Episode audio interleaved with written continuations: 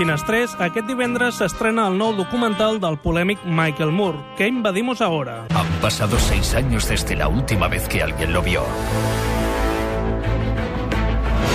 Pero cuando su nación necesita ayuda, el arma secreta de América es lo único que puede salvarles. USA! Yeah! És bastant curiós que s'estreni ara aquest documental, quan tot just s'ha donat a conèixer el controvertit palmarès del Festival de Canes, que no ha deixat content a gairebé ningú, ja que va ser a Canes precisament l'any 2004 que Michael Moore es va emportar la Palma d'Or amb un dels documentals més famosos. La ley antiterrorista permite inspeccionar historiales médicos y financieros. Otorga a las fuerzas del orden un poder casi ilimitado. Esperan hasta medianoche y entonces la imprimen. ¿Cómo ha podido el Congreso aprobar la ley antiterrorista sin tan siquiera leerla? Agárrate, hijo. No leemos la mayoría de los proyectos de ley. Nadie los lee.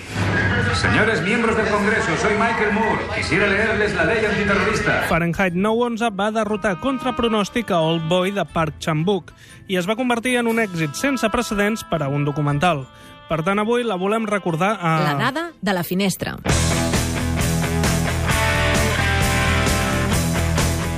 Diuen que Fahrenheit 911 es va emportar l'ovació més llarga de la història del Festival de Canes. Algunes fonts parlen d'entre 15 i 25 minuts d'aplaudiments. Va ser el primer documental de la història en aconseguir el número 1 a la taquilla. De fet, és l'únic documental que ha superat els 100 milions de dòlars. Concretament, 119, una bestiesa per un film d'aquestes característiques. Considerant que Michael Moore ja havia guanyat l'Oscar per la seva anterior feina, Bowling for Columbine, va decidir no inscriure-la en les nominacions dels Oscars d'aquell any, ja que per poder optar oficialment aquests Oscar havia d'estrenar-la dins d'unes dates que no li interessaven, ja que sobretot volia que estigués a prop de les dates de les eleccions americanes per poder influir en el resultat. De fet, va aprovar una estratègia insòlita el 2004, deixar que la pel·lícula es pogués descarregar legalment per internet per arribar al màxim de gent possible. Hi va haver una escena especialment recordada d'aquesta pel·lícula. Congresista, estamos intentando conseguir que los miembros del Congreso alisten a sus hijos en el ejército. Aquesta en què Moore els demanava als membres del Congrés que inscrivissin els seus fills per lluitar a la guerra d'Iraq, en lloc d'enviar els fills dels altres. Només un d'ells va accedir a fer-ho, el senador de Dakota del Sud, Tim Johnson, del Partit Demòcrata.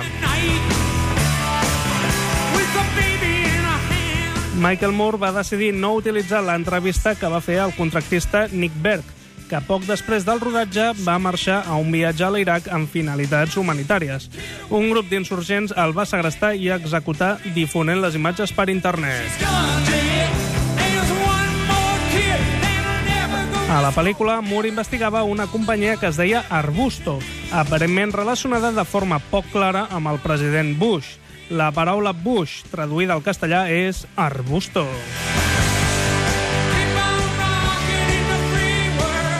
Precisament per les dures crítiques al president Bush, el film va ser censurat a països com l'Aràbia Saudita i Kuwait, països amb els que Estats Units manté un matrimoni de conveniència des de fa molt de temps.